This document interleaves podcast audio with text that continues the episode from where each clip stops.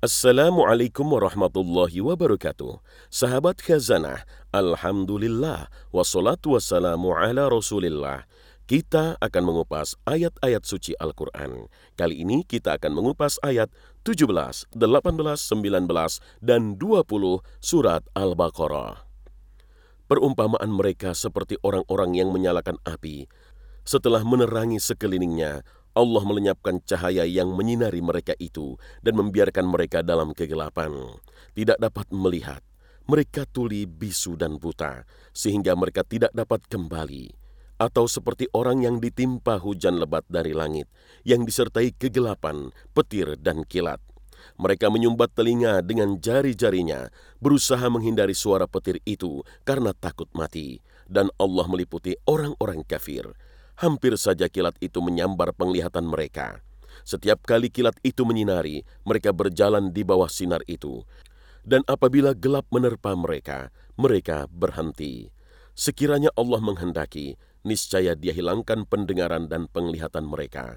Sungguh Allah Maha Kuasa atas segala sesuatu. Buya Hamka dalam tafsir Al-Azhar menjelaskan, meskipun telinga mendengar, mulut bisa bicara dan mata bisa melihat, tetapi kalau panca indera yang lahir itu telah putus hubungannya dengan batin, samalah artinya dengan tuli, bisu, dan buta. Mengapa mereka begitu? Batin mereka telah ditutup oleh suatu pendirian salah yang telah ditetapkan.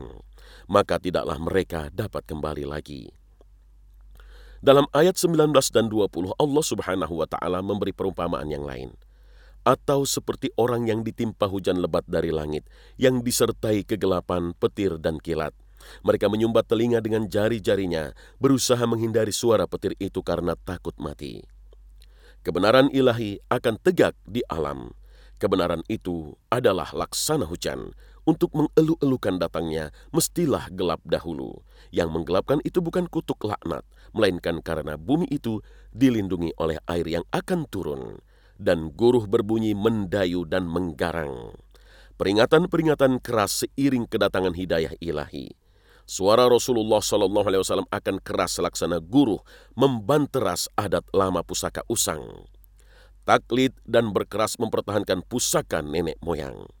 Kadang memancar kilatan api kemurkaan dan ancaman. Siapa yang mengikuti kebenaran, mari kemari, iringkan daku menuju surga namun sesiapa yang menentang, sengsaralah yang menunggunya dan neraka. Bila kehendak. Pangkat dan kebesaran dunia, kekayaan yang berlimpah tidaklah akan menolong. Yang mulia di sisi Allah hanyalah orang yang takwa, yang laku adalah ikhlas. Perjalanan tidak bisa diteruskan lagi, sebab pelita yang terang tidak ada di dalam dada mereka, yaitu pelita iman. Dan jikalau Allah menghendaki, niscaya dia hilangkan pendengaran mereka dan penglihatan mereka.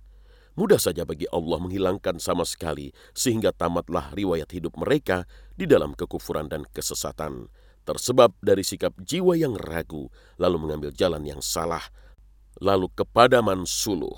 Na'udzubillah min zalik. Semoga kita semua dijauhkan dari sifat-sifat seperti itu. Amin ya rabbal alamin. Wallahu a'lam bissawab. Demikian tafsir ayat 17, 18, 19, dan 20 dari surat Al-Baqarah. Semoga bermanfaat. Barakallahu fikum. Wassalamualaikum warahmatullahi wabarakatuh.